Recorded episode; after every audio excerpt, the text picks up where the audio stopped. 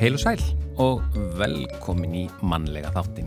Það er loka dagur februarmánaðar, 28. februar og það er þriði dagur. Já. L það er, já, alþjóðlegur baráttu dagur. Hvenna var haldinn hátilegur í fyrsta skipti í bandaríkjunum árið 1909? Ég byrjaði að elli, ég veit ekki af hverju. Já, ég veit ekki hvað ég ætlaði að fara að segja. Það er spurning. Já, Eh, En fjöldi báta skemmtist í ofsaveðri á þessum degi árið 1910 við söð-vestanvert Ísland og talið er víst að tíu manns á bát hafi druknað. já, við erum enn í þessum e, óveðrum hér á árum áður. Já, það er þetta, þessi tími árs. Já, þegar bara eh, tugir manna fórust bara dag eftir dag nánast e, sum, sum árin. En þetta er partur af sögunni. Þilskipi Valtýr fórst á þessum degi 1920 og með því 30 manns fyrir sunnan land. Svo var á þessum degi árið 1935 sem að nælon var fundið upp af Wallace Carruthers. Já, svo var það, eh, það var sko bæði belgist flutningaskip eh, sem strandaði og var eh, síðan dreigið út og dreigið til Reykjavíkur en brotnaði 24 við Kleppsvík. Þetta gerðist 1941 og svo var það 1950. Þá var það brest oljuflutningaskip sem hétt Klam sem strandaði við Reykjanes og uh, björgunarsveitin Þorbjörn í Grindavík bjargaði 23 mönnum en 27 fórust og flestir þeirra frá Kína. Já, þetta eru endalu sjóslis uh, sem betur fyrir hefur nú öryggið batnað mjög mikið á sjó. Já. Uh, en Viggo Viðutan, hann byrtist í fyrsta sinn á prenti á þessum degi árið 1957. Já, Úlof Palme, hann uh, var mistur í Stokkólmi á þessum degi 1986, uh, fórsættisráð þeirra Svíþjóðar þá. Já, og svo var það árið 2015 að þessum degi sem að eldgósun í hólu raunni lauk. Já. En yfir í efni þáttanist í dag við ætlum að halda áfram vegferð okkar að skoða og fræðast um áföll og afleiðingar áfalla. E, gríðarlega stór hluti samfélags glýmir við afleiðingar áfalla. Auðvitað geta áföllin verið misstór og staðið yfir í misslangan tíma en ef fólk kemst ekki yfir þau og fær ekki hjálpa að vinna úr þeim þá geta afleiðingarnar fyllt þeim ævilangt og Berglind Guðmundsdóttir yfir sálfræðingur á geðsviði Landspítala og prófessor við Háskóla Íslands. Hún er einn helsti sérfræðingur í Íslandi um áföll og áfalla streytur öskun og hún ætlar að hjálpa okkur að skilja betur einmitt áföll og afleiðingar þeirra og hver meðferðar úrræðin eru. Í dag er dagur einstakra barna og við ætlum að eh, ræða um neðustöður úr meistararitger Ingi Björga Björstóttur um svo kallað burnout hjá foreldrum barna með sjálfgefars sjúkdóma. Og Ingi Björg kemur hingað og með henni Guðrún Helga Harðardóttir fjölskyldufræðingur og framkvæmdastjóri hjá einstökum börnum. Já, Elin Björk Jónasdóttir kemur svo til okkar í dag í sitt vikulega veðuspjall. Við komum stöðut ekki hjá því að ræða bara veðrið undanfarið og framundan en hún ætla líka að fræða okkur um sviftivinda. Og þá er nú alveg tilvæglið að byrja einmitt á lægi sem heitir Vindur, Magnús Eiríksson og Káká og þeir sömdu þetta.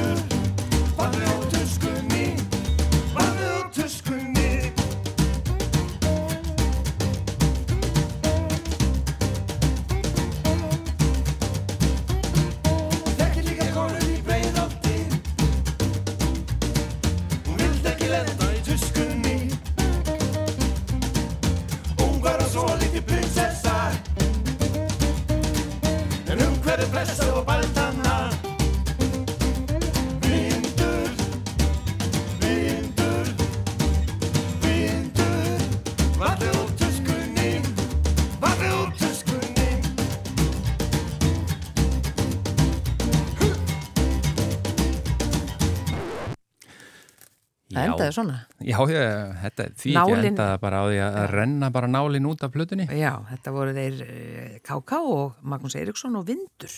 Já, og við ræðum meira um vind á eftir svifti vindamir við hana Elinu Björk Jónasdóttur. Já, En hingaði kom inn Berglind Guðmundsdóttir, e, yfir sálfræðingur á geðsviði landsbítala og prófessor við Háskóla Íslands. Velkomin í mannlega þáttinn. Takk fyrir. Við höfum fjallað talsverst undarfarið um, um áföll og afleiðingar áfalla og við ætlum að halda því áfram að því nú erum við komið með hennar fína sérfræðing hérna. Við vorum bara áður en við fórum í loftið að það bara er, að nú, að þessi meðvitund er orðin að, að áföll og afleiðingar þeirra eru náttúrulega ótrúlega margvísleg að það bara fer eftir hver það er, hver einstaklingurinn er ekki satt. Jú, jú, og það getur verið náttúrulega áföll er svona risastór vitt eins og ég hugsa um það og við sjáum það bara í vísindunum og fræðunum að áföll eru bæði margvísleg, tegundir áfalla eru alls konar. Og uh, tíðinni við oft, ég er alltaf að hugsa, hugsa í flokkunarkerfum og flokkun og vítum en það er hægt að tala um sem sagt, bæði þetta að það er stórvít, sem sagt, eðli áfalla eru fjölbreytt en svo er það líka tíðni þeirra. Mm Það er að segja að þú getur verið með eitt einstakt, einstakann atburð og svo getur þú líka verið með röð atburða eða sem eru ólík af tegund eða langvarandi áfall eða áfalla ru- runu eiginlega -hmm. þar sem fólk er að býr við stöðu áföll og þá getum við bara talað um bæði, veist, þætti eins og félagslegt ofbeldi sem er heimilisofbeldi eða langvarandi kemfyrsofbeldi eða við getum verið að tala um stríð eða náttúruhamfæri, þannig við erum að tala um alls konar tegundir. Og, en það er samt svona grófa myndin, að flokka áföllin í sko e, það sem við köllum svona eh, interpersonal violence eða félagslegt ofbeldi, þar sé ofbeldi að vald, valdum manna. já, Það er einu vítin og það er svona vítin sem að ef við tölum um líkindu og spá fyrir afleðingar, það er svo flokkur áfalla sem hefur yfirleitt mesta skaðsemi. Síðan erum við með stríðsflokkin og allt sem tengist stríði sem geta verið alls konar hörmungar, ekki bara sprengjur og skotbardagar heldur líka all, allt sem tengist í. Alls konar slís, alls konar bara þættir, alls konar áföll þarna og svo erum við með svona hamfarir og náttúru vá í hvers konar, þú veist, það getur verið óveður, það getur verið bara hérna, jarskjaldotnir og þú veist, við erum svona þetta náttúru vítin og þetta er bara mjög gróf flokkun en í öllum þessum tilfellum þá getum við verið að tala um einn einstakann atbörð, marga atbörði yfir langan tíma, viðvarandi okkur og allt þetta hefur áhrif á hvernig við vinnum úr upplýsingunum og hvaða áhrif það hefur á okkur. mm. Að maður verður líka var við það að, að eh, sko fólk sem hefur upplifað áföll, það veit ekki alveg hvort að þetta eru nógu stór áföll eða það er að bera saman við, við önnur áföll. Já, einmitt. Eh, Þannig að hvernig getur fólk fóta sig í þessu? Já, þetta er rosalega góð spurning einmitt að velta þessu fyrir sér. Það er, við höfum þessa tilneyingu, við, he, heilin okkar virkar þannig, við erum alltaf að reyna að skilja og flokka og bera saman. Það er bara eðli mannsins að hugsa og flokka og þegar við lendum í einhverju þá erum við ekkert endilega alltaf meðvitið í stundinni þar sem atbyrður er að gerast eða eftir hvort að hluturinn eða lífsreynslan hafi verið nógu stór eða nógu merkileg Eh, við finnum fyrir afleðingum en við erum ekkert endilega með getu eða aðstæður sem ger okkur kleiftis að flokka og skilja. Og eftir það mjög mikilvægur þáttur í úrvinnsluferlinu er bara reynilega átt að sá hvað gerðist og hvernig gerðist það og hva, hvert var mitt hlutverk í því og veist, aðstæðunar og samhengið og allt þetta. Og þetta er hluti á úrvinnslunni. Og farsal úrvinnsla, ef hún er að eiga sér stað, þá erum við smá saman að setja hlutin í samhengi og skilja. En, en við lærum það mjög fljótt í fagvinnunni að flokka ekki, viðst, við nálgumst einstaklingana út frá þeirra lífsreynslu og þeirra sjónarhólli til þess að hjálpa þeim að reynlega, hefja sitt bataferli. En fræðin og vísindin þeir eru síðan með flokkuna kerfi sem við við- miðum við Mm. og við vitum það að ákveðnar tegundir áfalla eða svona ákveðin skilirði ef að atbyrðinir uppfylla þau skilir þá er meiri líkur á langvarandi afleðingum eins og áfalla streitu eða öðru. Mm. Þannig að það, það eru aftur margar vittir að huga að, en fyrir bara einstaklinga. Það sem ég finnst alltaf gott að, að benda fólki á er að huga að, þú veist, hafði atbyrðin áhrif á mig. Er þetta eitthvað sem að ég er ekki að ná bara að vinna út, út úr, eða sérst úr í bara mínu daglega lífi? Þarf ég mörg samtöl? Þarf ég, og dugar það? Og ef ekki, er ég enþá með þú veist, hefur atbyrjun haft stórtæk áhrif og breytt lífið mínu, haft áhrif á bara getur til þess að fungera eða takast á við dagli störf eða uppbylti barnana. Er fólk me, hérna meðvitað um það oft? Það er að segja að, að þannig erum við farin að tala um afleiðingarnar já, já. Eh, og, og er eh, að því að eins og við tölum við Þorsten Guðmundsson í síðustu viku að, að í rauninni ein af byrtingamyndum þess að vera undir áfallastreitu eða áfallastreitu röskun er að, að þú forðast í rauninni aðstæðinar og forðast það sem að áfallið. Uh, en, og er fólk kannski oft bara ekkit upp meðvita sjálft um, það, um afleiðingarnar. Nei og það, það er einmitt svo góðu punktur sem, þetta er svo góðu punktur sem þú nefnir vegna þess að það er hluti að, þetta er svo meðvitað og ómeðvitað. Já. Sko þegar atbyrður gerist, til dæmis eh, segjum sem svo, ungmanniska eða barn lendur í einhver alvarlega áfalli og síðan líður bara tímin. Það er kannski ekki tækifærtis að vinna úr því eða viðkomandi fattar ekki að þetta er áfall vegna þess að það er búið að normalisera einhverja aðtöfn til dæmis eins og í ofbeldi, heimilisofbeldi eða kynfrisofbeldi og eða bílslýs, þetta áviðum alla flokkarindar en, en ef við tökum þetta dæmi að þá getur verið að einstaklingurinn reynlega eh, sko út af aðstæðan fyrir að kenna sér um, upplifið djúbstæða skömm, næri ekki að setja hlutin í samiki og umhverfið. Stundum fara atbyrðir leint stundum ekki en ef að viðkomandi næri ekki þessu samtali að setja hlutin í samhengi átt að segja á hvað raunverulega gerðist er, og það, það er hluti af þessu að finna fyrir skömm og sektakent og fara að kenna sér um. Og þá getur vandin, við tölum gætnar um stíplur í úrvinnslu, þá getur bara stíplast þetta ferli, þetta flokkunarferli, þetta úrvinnsluferli sem ger það verkum að langtíma vandi getur þróast.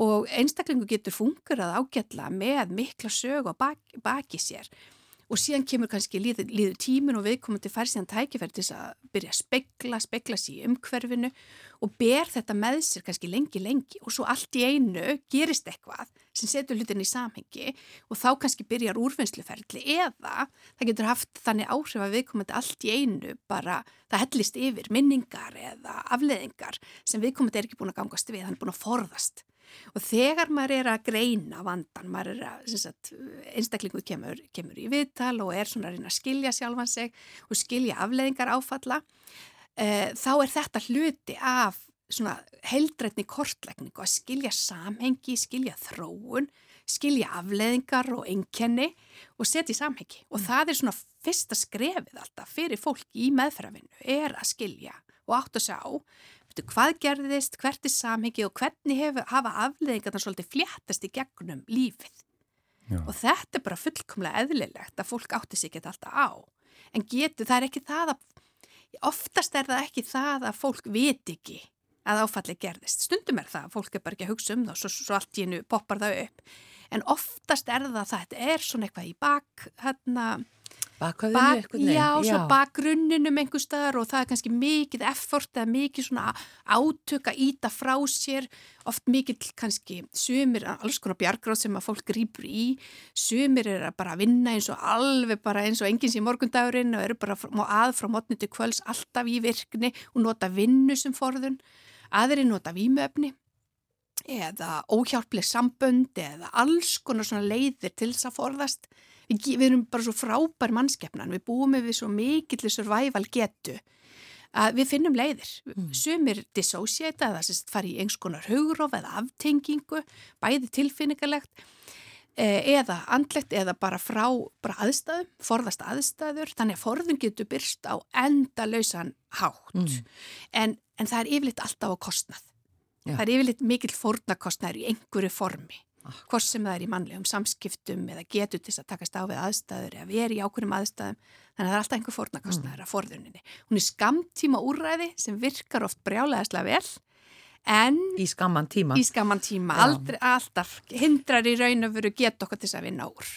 Eh, Stundum hefur maður heist fólk tala um að það sé já, bara orðið of gamalt til þess að fara að gera eitthvað í þessu eða fara til sálfræðings út af einhverju áfalli e, og finnst ekki taka því. Ég hef alveg heyrt það. E, hvað séð þið um það? Já, nei, Er það er aldrei á sent Nei, það er aldrei á seint. Aldrei á sent og það hafandi verið að vinna í þessu hvað, einhver, einhver, áratugi að, að það er aldrei á sent og það get ég fullert bæði rannsóknir sína það og, og reynsla okkar í meðfærastarfi sínir það að það er aldrei á sent en þörfin er misjöfn sumir koma einmitt inn í öldrunarsálfræði þjónstuna og, og bara finna, herðu, hérna er óvinnið áfall, það er kannski andlátt bars eða kynfyrsópildi eða einhvers konar atbyrðir sem hafa gerst á lífsleðinni og mikil þörf fyrir að vinna og gera upp hlutina og setja í samengi. En, en það er náttúrulega klárlega kostur ef að maður næra að vinna fyrr úr áföllum. Vegna þess að þegar e, áfallastreita hefur þróast eftir áföll að þá vill það vera þannig að svona Ég, þú veist, þetta stundum eins og gára áhrif, þú veist, ef maður hendir stein í vatna, þú ert að með, sko, gárurna geta náð yfir mjög langar leiðir inn í lífið og mótað bæði þroska og sambönd og getur til þess að, þú veist, náms, eða þú veist, með eitt af engjununum er einbyttingavandi eða geta til þess að, erðaleysi eða, eða vandi við svefn og alls konar svona e enginni sem gera það að verkum að geta trubla daglegt líf gríðalega mikið. Já. Þannig að það til dæmis að sita og læra og einbytta sér getur verið rosalega erfitt og, og ótti við fólk þurfa að fara inn í skólastofa, vera inn- innan um fólk getur verið erfitt sem gerir það verkum að fólk bara hreinlega ræður ekki við að vera í námi út af áfallastreitu enginu. Og þið heyrið að ég tala mikið um áfallastreitu, það Já. er eitt af svona stóru afleðingunum en sjálfsög geta afleðingarnir verið alls konar. Og, og það er greinamunur á milli áfallastreitu eða áfallastreitu röskun og svo áfallastreitu einkenni. Já, já, eða sko þú getur hugsað um áfallastreitu enginnin er svona, þetta er risastór vitt og við vitum það bara frá rannsóknum að, að við erum að tala um áfallastreitu enginnin sem þróast eftir, eftir atbyrði. Enginnin eru fyrstu vikurnar, fyrstu mánuðina eðlileg viðbröð við hræðilegum atbyrði. E, og það eru þessar ágengu minningar, geta verið martraðir eða erfileikar við, við aðstæður sem kveikja, kveikja minningar, forðun, e, að forðast hluti eða ofur árvekni e, og eins svona breyting í hugsun, hvernig við sjáum heiminn og okkur sjálf og tilveruna og tilfinninga, sagt mik mikið að neikvæðum erfiðum tilfinningum eða, eða, og erfileikar að upplifa. Já, allt öll þessi enginni er á risastóri vitt. Þetta eru 20 flokkur af 20 enginnum og það er bara 6 til þess að uppfylla viðmið í ákveðnum flokkum. Þannig að breytileikin á enginnum getur verið mikill og styrkur þeirra á ólíkum tímum getur verið mikill. Mismikill.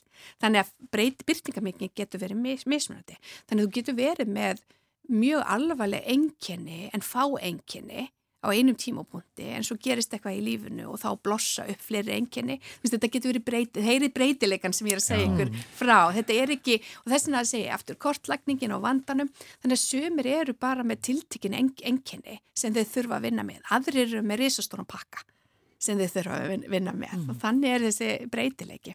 En góðu fréttinnar eru að það er til frábærar meðferðir og það er, er bara mikilvægt, mist alltaf mikilvægt að fólk vita því. Þetta er ekki eitthvað dulafull úrvinnsla, þetta er bara mjög markvis úrvinnsla sem þarf að fara í gang. Og það er ekki of seint. Það er aldrei of seint. Aldrei of sent, svo ég svarið því skýrt, Já, aldrei of sent. Berglind. Guðmundsdóttir, yfir sálfræðingar og geðsviði landsbítalans og prófessor við Háskóli Íslands. Takk fyrir að hjálpa okkur allavega að komast aðeins lengra áleiðis í skilningi á, á áföllum og afleiðingum áfalla. Já, takk fyrir mig.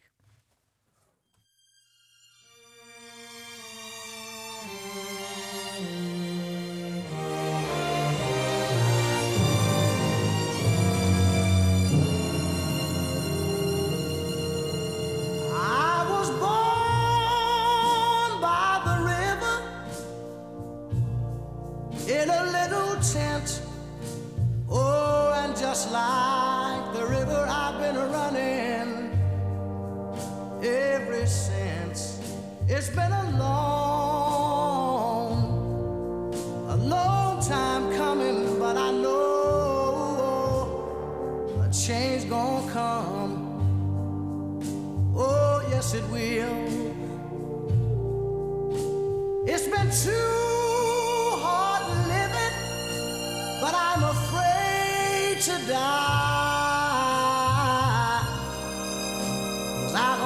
Up there, beyond the sky, it's been a long,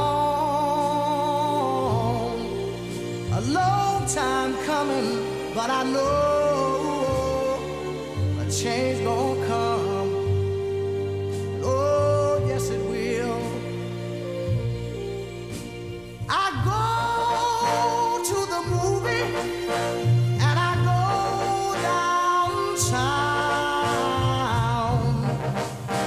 Somebody keep telling me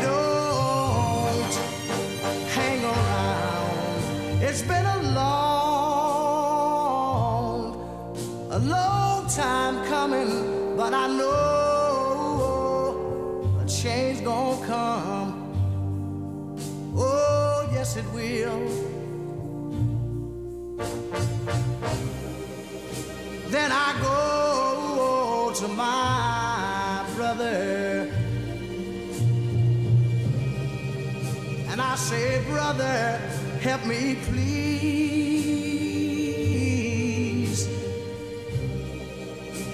But he winds up knocking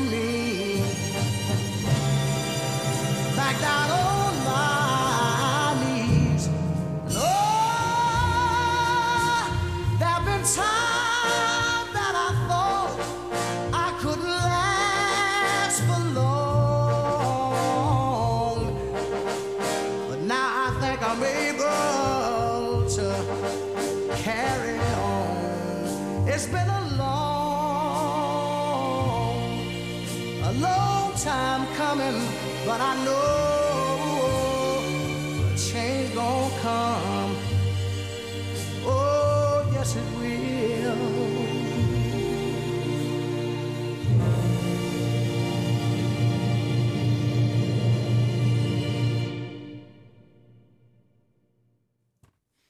Þetta var hann Sam Cooke, A Change is Gonna Come. Já, akkurat. E, Í dag er alþjóðlegur dagur sjálfgæfira sjúkdóma 28. februar og í tilefni dagsins þá verða kennileiti um allan heim líst upp. Hér á landi þá verða, já, til dæmis Perlan, Harpan og Hallgrímskirkja formlega með og með skilst að það séu fleiri stofnanir og fyrirtæki að bætast við. Það er sem sé yfirskriftin glitraðu með okkur og uh, við ætlum aðeins að hérna, fjalla um þetta og sérstætt málþing um stöðu foreldra einstakra barna og niðurstöður og meistararítgerð Ingibergar Björstóttur um kulnun hjá foreldrum barna með sjálfgefa sjúkdóma og Ingiberg er komin hingað og með henni Guðrún Helga Harðardóttir fjölskyldufræðingur og framkvæmtastjóri hjá einstökum börnum velkomnar. Takk fyrir. Og ég sé að þið glitri báðar aðeins í klæðaburði. Já, já, og við bætum bara í þeirra líður á daginn, sko. Já, ekki spurning. Uh, þessi rítgerð þín, meistarrítgerð Ingibjörg, um kulnun hjá foreldrum einstakra barna, hvernig stóði því að þú valdir þetta efni?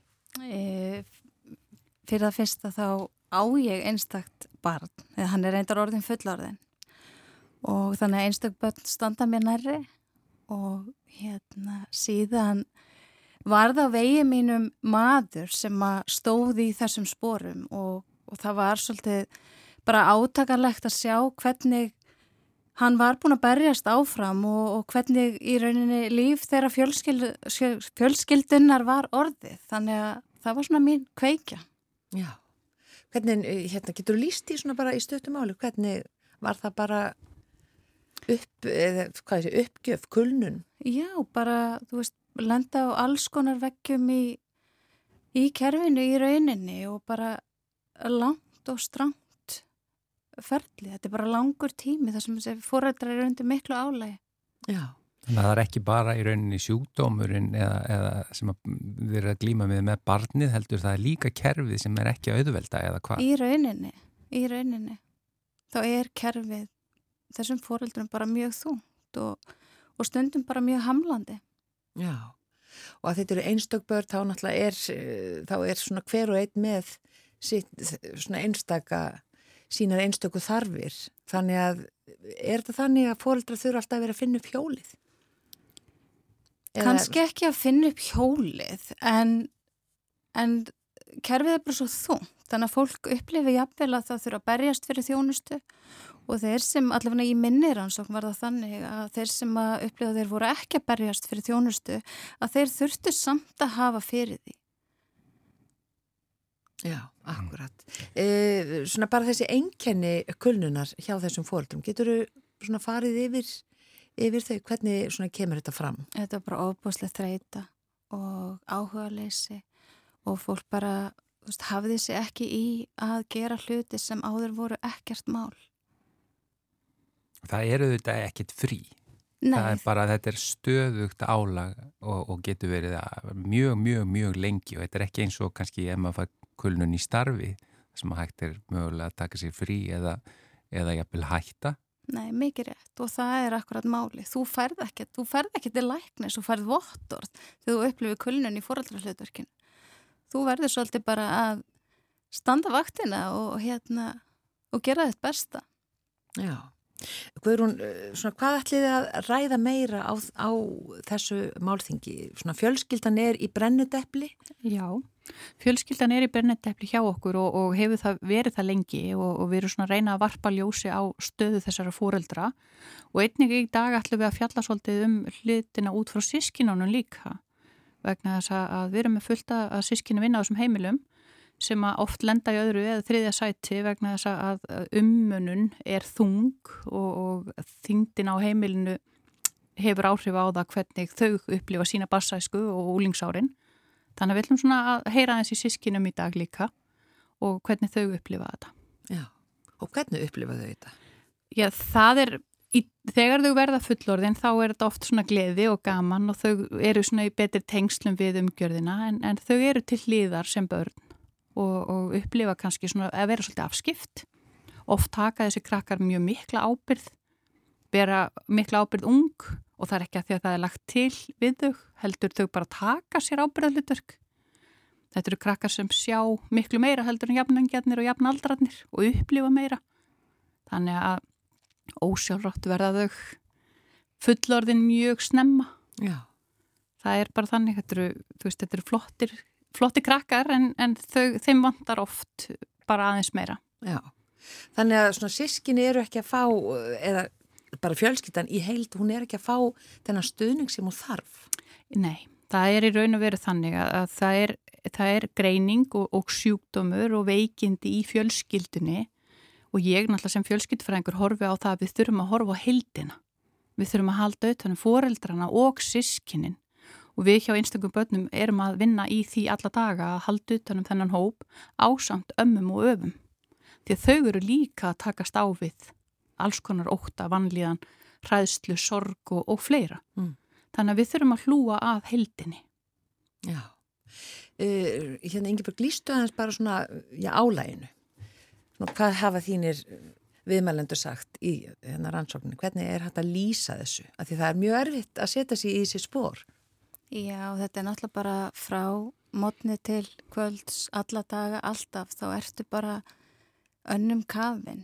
Þetta er, um, þetta er mjög fjölþætt verkefni sem að þessir fóreldrar fengu upp í hendurnar. Og, og það er, þú veist, þau fá aðstofi umönnun og það er stuðningurinn á heimilið og að sjálfsög það hjálpar mikið.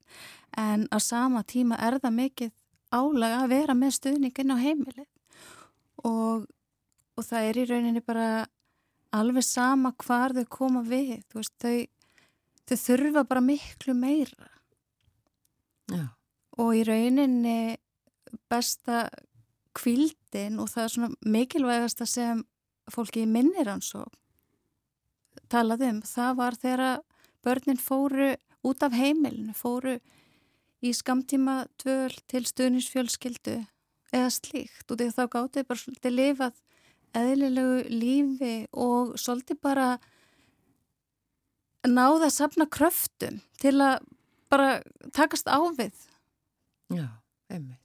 Og ef það er, já, eins og þú segir, stafsmæðurinn á heimilinu sem er að hjálpa, e, það er bara allur sólarhingurinn. Það er bara fólk sem getur bara gist og, og þannig að þú er, svona, ert alltaf með á auðvitað- heimilinu. Fyrir, auðvitað er það náttúrulega bara mjög misjönd, þú veist, hversu mikinn stuðning fjölskyldan þarf. Já, En það getur alveg verið þannig, það getur alveg verið sólarhings aðstóð inn á heimilið og það er bara óbóðslega snúið fyrir þessar fjölskyldur og bæði fyrir fóraldran og fyrir sískin. Þú veist, þú átt ekki þú veist, það er kannski skrítið að bjóða vinum heim. Þú veist, þú átt ekki þetta samtal við mamma og pappa við mataborðið. Þar sem þú ert bara að ræða það sem gerist í skólanum eða eitthvað. Þú ert bara ekki, þú ert bara ekki þú sjálfur. Mm, Þannig að þetta getur bara verið mjög snúið. Já.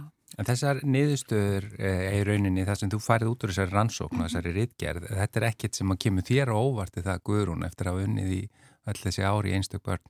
Nei, þetta er því miður staðan og, og, og í mörg ár höfum við talað fyrir þessu við ráðunittinn og, og pólitíkina og bent á að við þurfum að fókusa meira á þennan hluta hópsins vegna þess að við sjáum mæður fara í uh, veikindafrí frá vinnu, missa vinnuna og, og vera jafnvel sagt upp vegna mætinga og annað. Þannig að þetta er ekkert sem kemur okkur óvart en, en sem betur fyrir þá erum við komið með einhver gögn í hendurna sem að, að stiðja við okkur Já. vegna þess að, að við erum alltaf að að tala um það sem að við vitum að því að við erum á gólfinu alla daga. Þannig að þessi Ritgir Ingibergar, hún gagnast ykkur mjög vel. Já, hún kemur náttúrulega bara sem kölluð og vegna þess að þetta er eitthvað sem þurft að kanna svo við getum í raun og veru talað herra um það. Mm. Mm. Og sínt hérna fram á þetta. Aðeins bara að uh, þessum degi, eins og við sögum hér upp af við alþjóðlegu dag og sjálfgefra sjúkdóma, uh, svona hvað, svona hvernig fer hann fram? Dagurinn í dag er bara í raun og veru þannig byggður upp að við byggjum fólk að glitra með okkur, fara í glimmerið og allt sem að svona glitrar og, og glansar vegna þess að glimmer er mismöndi, það er fjölbreykt, það er litrikt, það er öllum lögunum, rétt eins og við í félaginu, það er börnin okkar eru með hátt í 500 greiningar og þetta eru rífilega 600 börn í dag, bara síðast í gerð tóku við 8 börn, það er að meðaltæli að koma inn hjá okkur 6-8 börn á mánuði og hefur verið undarfæran ár Þannig að við viljum í raun og veru bara fá samfélagi til að bakka okkur upp og, og glitra með okkur og benda á að það eru ríflega 600 börn í félaginu og ungmenni sem eru með eitthvað sem að fáir þekkja og fáir skilja. Við þurfum að auka skilning og auka þekkingu. 500 greiningar hjá 600 börnum, þannig að þetta er svona gríðarlega fjölbreytt. Þetta er mjög fjölbreytt. Sum börnin eru jafnvel með tvær og þrjár sjálfgefa greiningar sem þýðir að þau eru einstaklega til dæmis með einstaklega flóknar þjónstuþarfir, einstaklega flókna umönun. Þannig að já, þetta er mjög fátitt. Við erum með ansi mörg börn sem eru eini í heiminum og, og mörg af þeim börnunum hjá okkur eru kannski ein af 100, 200 í heiminum Þannig að þið getur ímyndað ykkur hvar vittneskjan er. Hún er ekkit út um allt. Skilningurinn í samfélagin er ekkit allstaðar. Nei. Þannig að við köllum bara eftir því að við glitrum fjölbreytt að því að við erum fjölbreytt. Mm. Og málþengi byrjar klukkan eitt. Það byrjar klukkan eitt, já. Og, og hvar er það? Það er út á ó, gamla hóti loftleð. Ég mani þetta aldrei öðru sem það. Þið verður nú kannski að hjálpa mér Já, þarna, sko. það byrjar á B. Já, einmitt.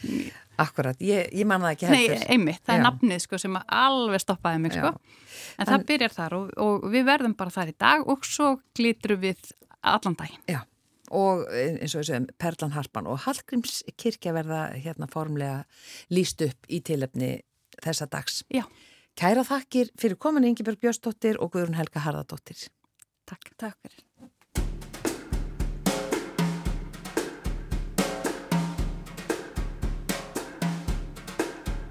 I'm going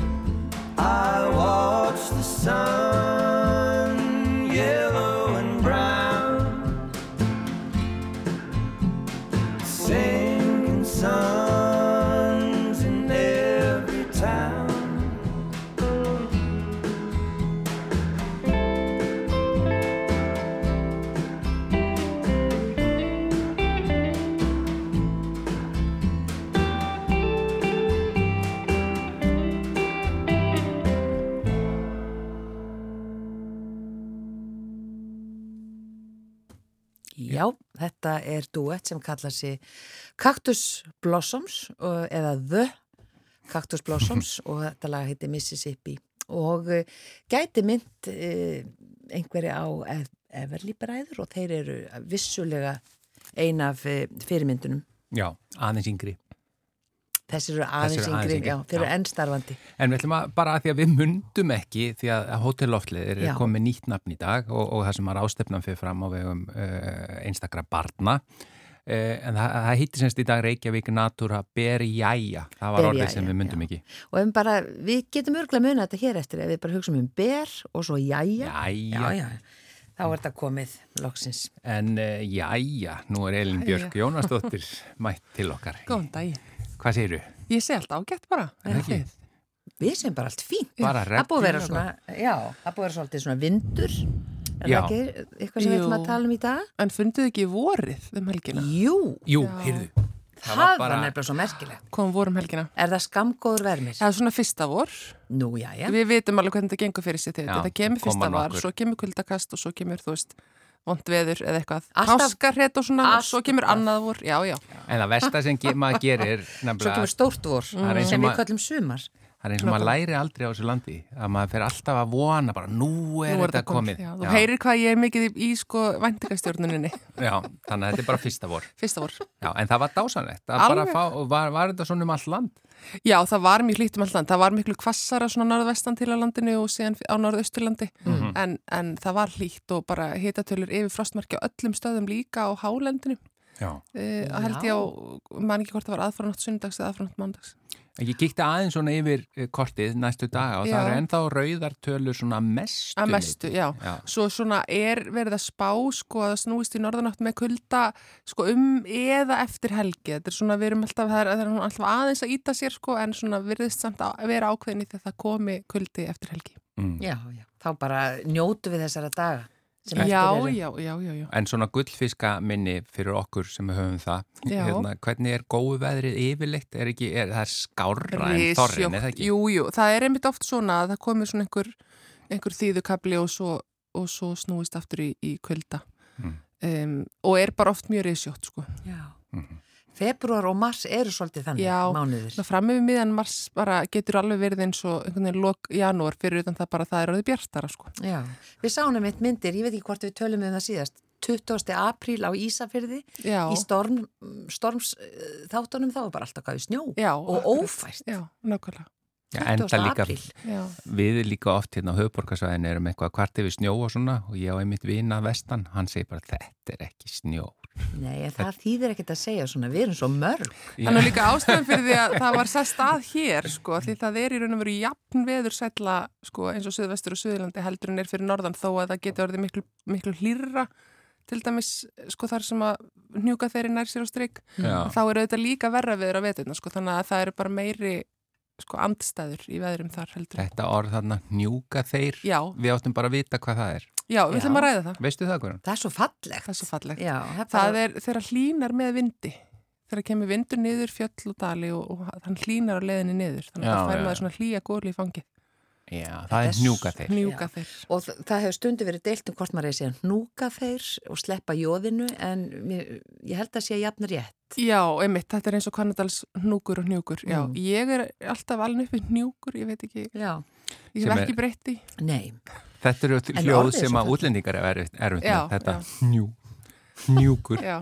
það er eftir hnúka þeir, já, eða hnjúka þeir, einmitt, mér finnst að bæði bara hljóma, hljóma vel, en sko orðið sem slíkt er mjög fallegt. Já, Orð. þetta er mjög ljóðrænt Já, svolítið eins og auðvitað- ljósmóður. auðvitað hérna hundslappa drífa og svona, það er alls konar, alls konar veðurorð sem væri gaman að skoða sko. Já, þú ert að týna saman einhver svona... Já, getum við fengið hérna málfarsræðinu Já, ræða sko Anna Sigri er alveg. 100% til í að koma Já. að ræða þetta. Hún, Fallegasta veðurorðið, Já, já, veðurlýsingin. en njúka þeir geti verið nafn á hljómsveit. Já, Já, akkurat. sem væri samt svona mild og ljúf tónlist, eða ekki? Það var eins og hljómsveit sem hétt þeir, Já, þannig að nákvæmlega. hnjúka þeir, það svona yngri.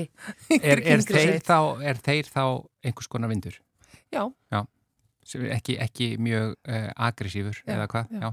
Já. En svifti vindar, hvað sviftivindar okkur um eru, eru mitt aggressívari Já, Já, ég fekk sem sagt hérna ábendingu um það að, að við mættum kannski ræða það eins og sviftuvinda og, og hverfilvinda, þetta gengur svona undir ymsum nöfnum, sko, í fyrsta lagi þá er nú svona ákveðin miskilningur að stundum að það er talað um einhverja hverfilbili á Íslandi sem eru nú, sko, yfirlt ekki raunverulegir, sko, þá er þetta einhver svona hverfilvindur og hverfil er nú bara ringrás, þannig að þá erum þá bara að hugsa um að það er eitthvað svona sem að fer í ring mm og sviftivindar uh, eru vindar sem stjórnast að einhver leita umhverfinu þannig að, að til dæmis uh, í brjáluðum veðrum hér í Reykjavík þegar við heyrum af sko, fólki sem slasar sig við háar byggingar. Já, það er til dæmis að það myndast einhvers konar sviftivindar og bara feikja fólki til og frá og fólk bara tekst á loft og hlutir og, og bara lenda einhver starf annar staðar. Og ég held að sé nú í flestum sveitum til einhverjar svona sögur af því þegar heivagnin tókst á loft og lendi þauðið eða, eða hlöðutinnar hérna, splundruðust eða, eða eitthvað já, bara. allavega öllum sveitum sem ég hef eitthvað átt erindi í þar, þar fæ ég svona sögur sko mm. Og þetta er nú yfirleitt sko stýrt af umhverfinu og svona alla jafna uh, af fjöllum.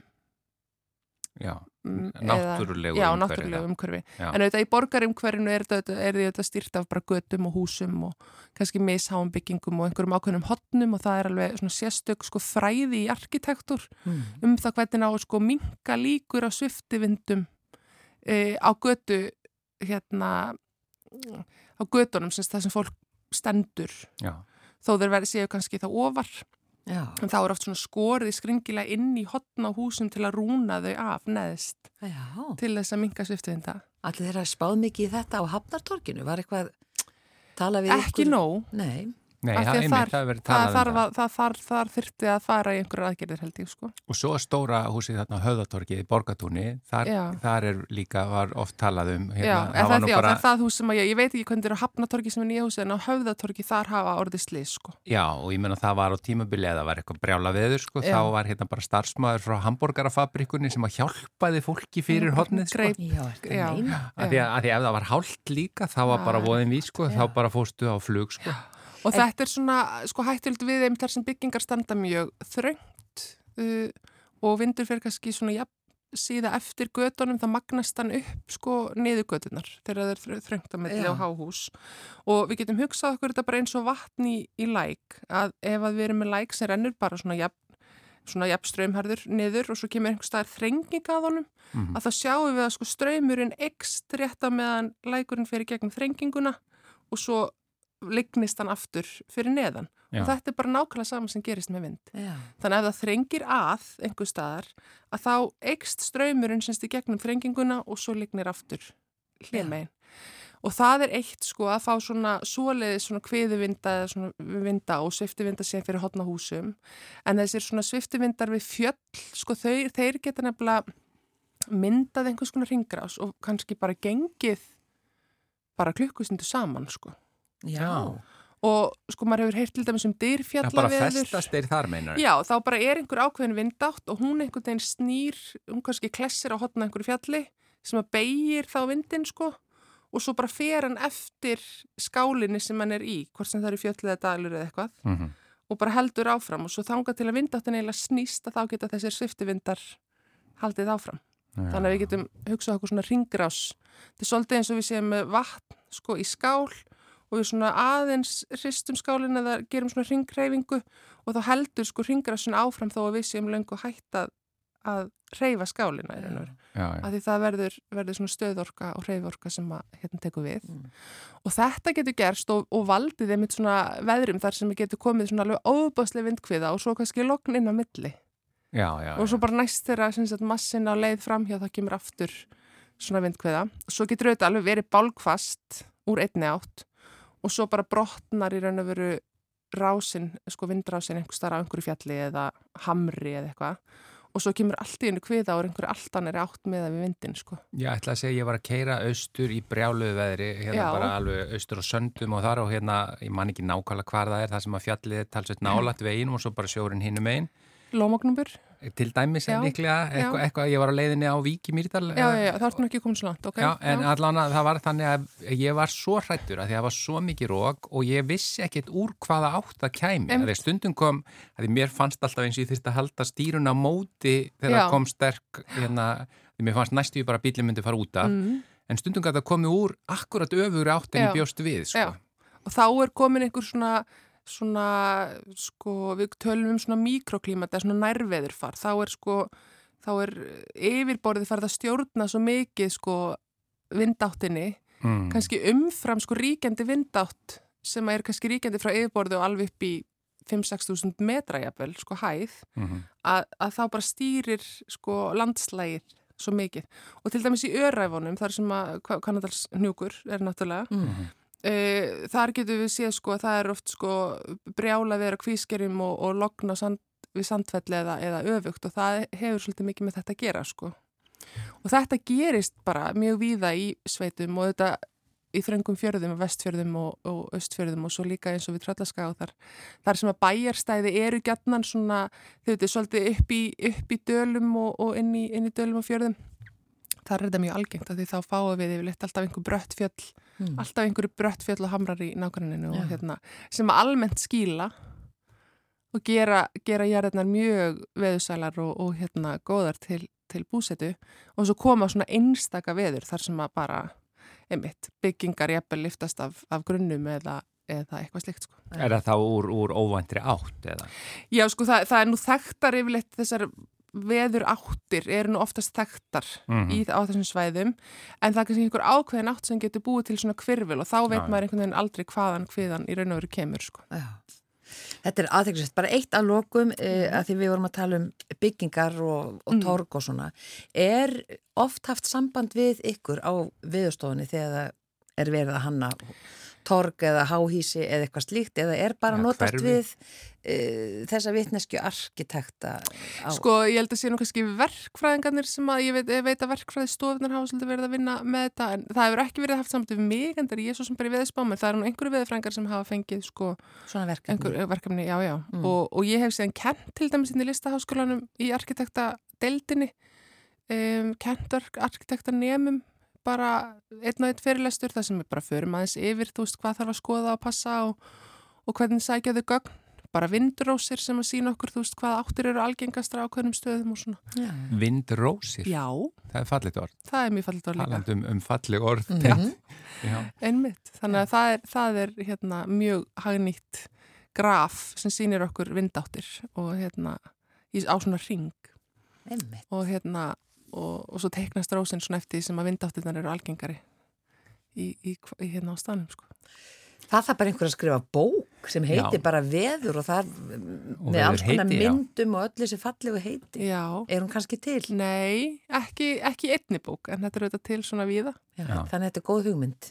Kanski fáum við þig bara og, og hana málfarsráðunni til hérna önnu sigriði með þér. Við getum Já. gert saman svona bók. Nákvæmlega, Já. var Já. hann ekki að skrifa bók um Jónas? Er Jú, jú. Næsta veður, hafa fullt af veður eh, hugtökum reyndar í þeirri Já, bók. já, hann átti náttúrulega mjög mikið að því, sko. En Elin Björk Jónasdóttir, þakka þér innilega enn og aftur fyrir að koma í veðurspjatti til okkar. Takk fyrir mig. Ég man þá tíð, ég man þá tíð er mægi auðvitað þá átti mægin ekki að vera þar Doktor Svendsen brandi brá svo bliki sló þar á Því að aldrei á þeim manni er neitt hikað sjá. Úr mér tók hann allan magan, enda þýllei neitt að lagan. Mína skemmtu skeifu görn, skar hann lík í sömu törn. Og minn ristil ristan burt með ró og pí og kurt Svo að hef síðan til hans sára lítið spurt. Sára lítið spurt.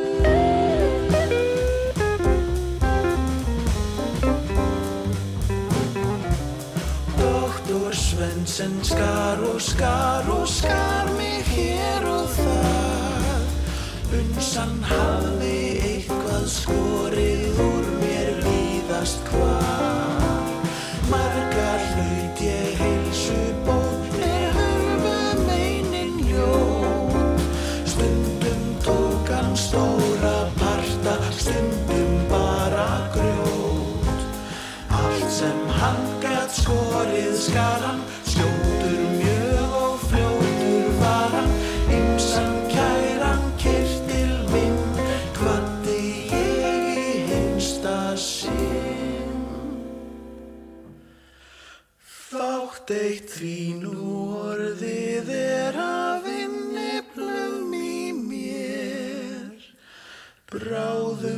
verður ekkert eftir, eins og vera ber. Eins og vera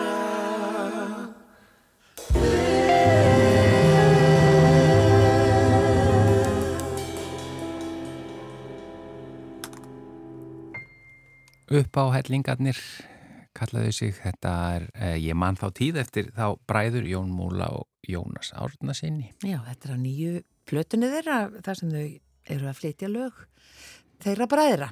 Já. og uh, síðasta lagið í dag, Já, eh, við verðum hér auðvitað bara aftur á sama tíma á morgun. Verði sæl.